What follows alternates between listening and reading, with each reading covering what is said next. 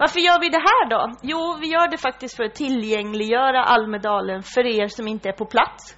För er som ligger kanske i sängen på något hotell eller i något tält eller kanske till och med ligger tio stycken i ett rum och funderar över hur ska min Almedalsdag se ut. Eh, nytt för i år är att jag har en ny programledarkollega. Det här har ju handlat om att ha spännande samtal som man synliggör för andra och visa att så här enkelt är också Almedalen. Möten med superspännande personer. Och jag är jätteglad över att ha med mig Ida Östensson som för mig är en sån person som gestaltar vad som händer i Sverige idag. Ung, en stark vilja att förändra och kommer ge oss alla en liten läxa under den här timmen. För du kommer ha med dig ett jättespännande perspektiv. Du är grundare till Crossing Borders och Fatta. Mm. Berätta, vem är du? Vad är Almedalen för dig?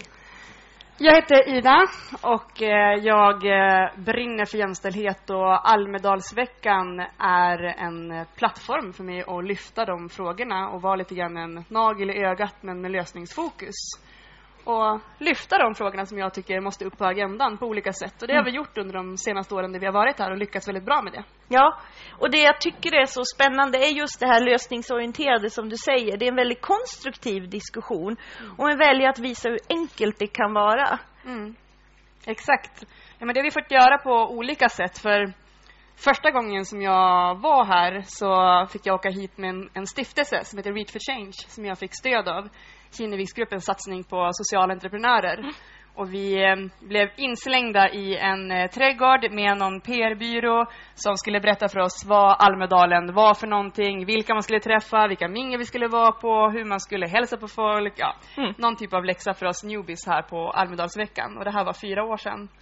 Eh, träffen avslutades med att säga och nu så vill vi inleda en tävling under veckan och det är eh, visitkortsjakten. Så vi ska mm. räkna hur många visitkort har respektive verksamhet fått efter veckan.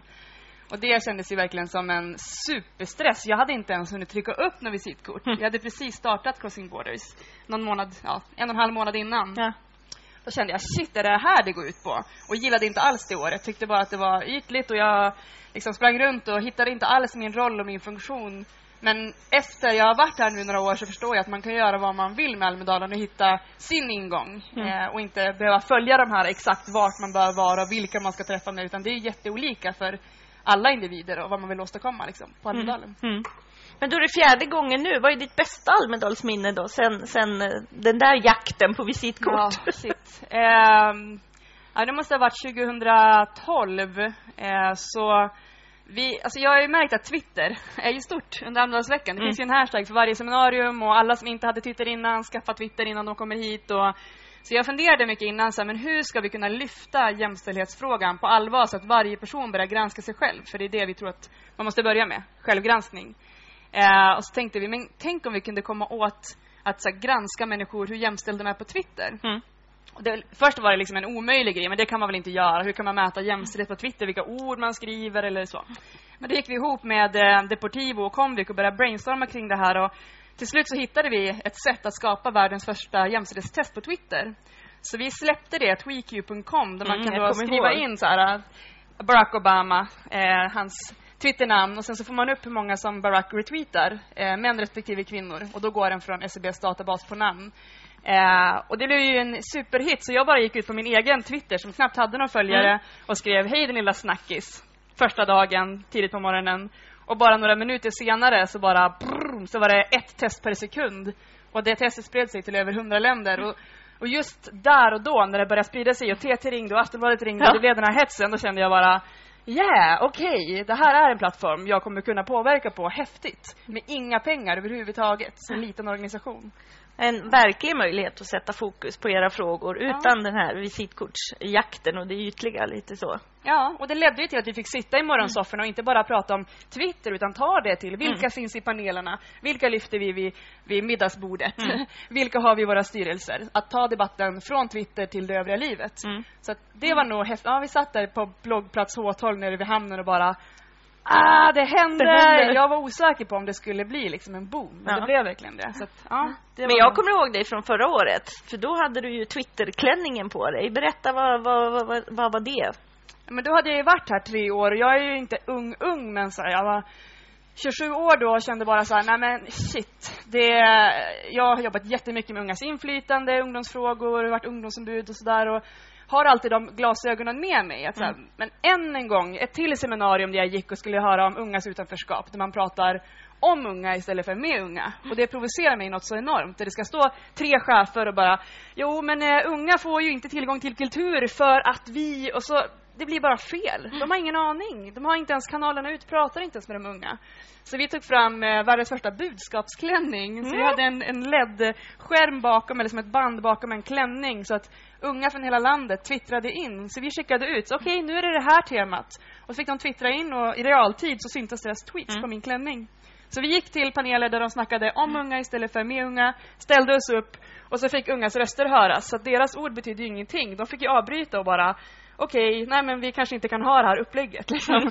Så att tanken med det var inte att vi skulle ha twitterklänningar i varje Nej. panel i år utan att alla ska tänka på det kring åldersmaktsordningen.